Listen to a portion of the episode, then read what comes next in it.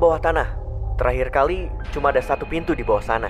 Beck mengangguk. Hmm, sekarang ada dua. Aku tidak bisa berpikir. Aku melihat sekeliling dan mencoba untuk membuat kesimpulan. Tetapi sebenarnya tidak ada yang bisa dibuat. Lalu, kami mendengar ketukan dari salah satu pintu kamar sekitar 10 detik kemudian. Kedengarannya gelisah. Kami melihat keluar jendela tapi tidak ada cahaya merah dan biru dari lampu polisi. Tentu kami ragu untuk membukanya. Aku memutuskan untuk mendekati pintu, tetapi Beck menarikku kembali. Dia menatapku dan menggelengkan kepalanya sambil berbisik. Kamu ingat, tadi kita nggak membiarkan pintunya terbuka. Dia benar. Suara radio berderak. Panggilan kembali dari operator. Mereka memberitahu kami untuk segera meninggalkan rumah. Katanya, Carol menelpon lagi dengan nada datar yang menyeramkan dan berkata kalau kami akan mati. Tidak ada lagi suara ketukan, tapi kami bisa mendengar suara langkah kaki dari ruang bawah tanah. Ada seseorang di sini bersama kami. Kami memutuskan untuk menyudahi kasus ini. Kami harus segera pergi dari sini. Saat kami mulai menuruni tangga, kami mendengar suara dari dapur. Carol keluar, menghalangi jalan ke pintu keluar.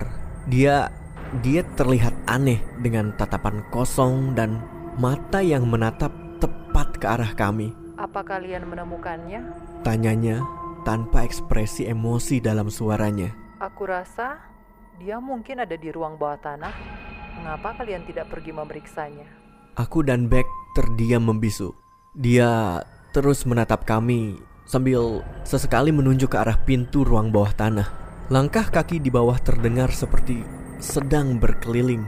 Kami kami mengabaikan permintaannya, melewatinya dan berlari keluar dari pintu depan.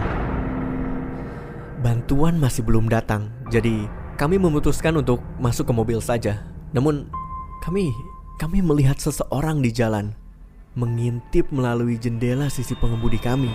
Dia dia bertubuh besar, tampak mengenakan setelan hitam menutupi seluruh tubuhnya.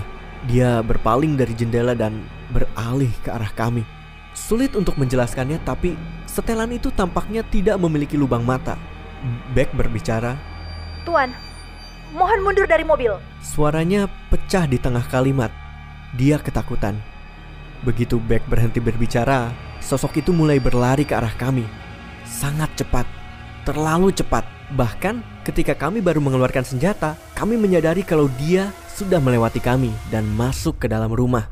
Kami kami tidak mau membuang waktu lagi. Kami segera berlari ke dalam mobil, mengunci pintu dan menunggu sampai bantuan tiba. Setelah kejadian itu, kami ditanyai secara ekstensif ketika tim SWAT menggeledah rumah tersebut. Namun, bukan kepala polisi yang bertanya kepada kami, melainkan pria berjas yang belum pernah kami lihat sebelumnya. Dia menanyakan hal-hal seperti berapa banyak pintu yang ada di dalam rumah. Sebenarnya, seperti apa rupa Carol?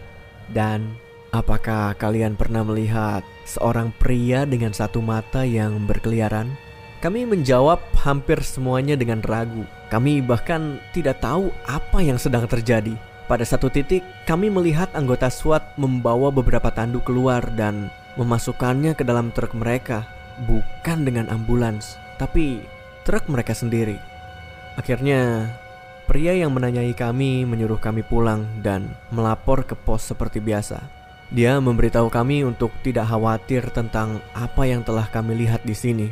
Aku aku tidak mengerti bagaimana bisa dia mengatakan itu. Kami berkendara kembali ke pos dalam keheningan total. Saat kami parkir, Beck akhirnya menghela nafas. Si Jack emang gila. Aku menatapnya dengan bingung. Hah?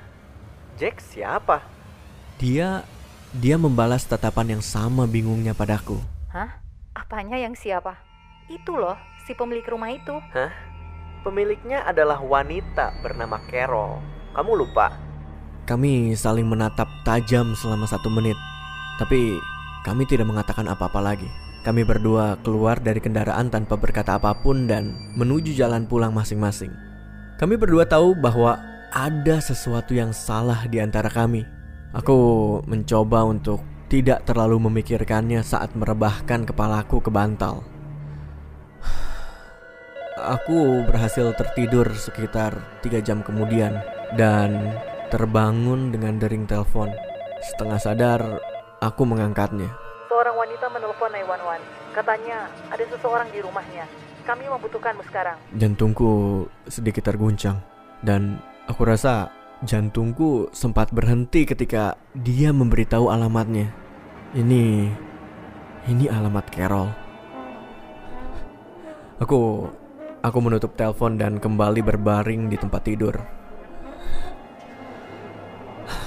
Aku aku hanya ingin mimpi buruk ini berakhir.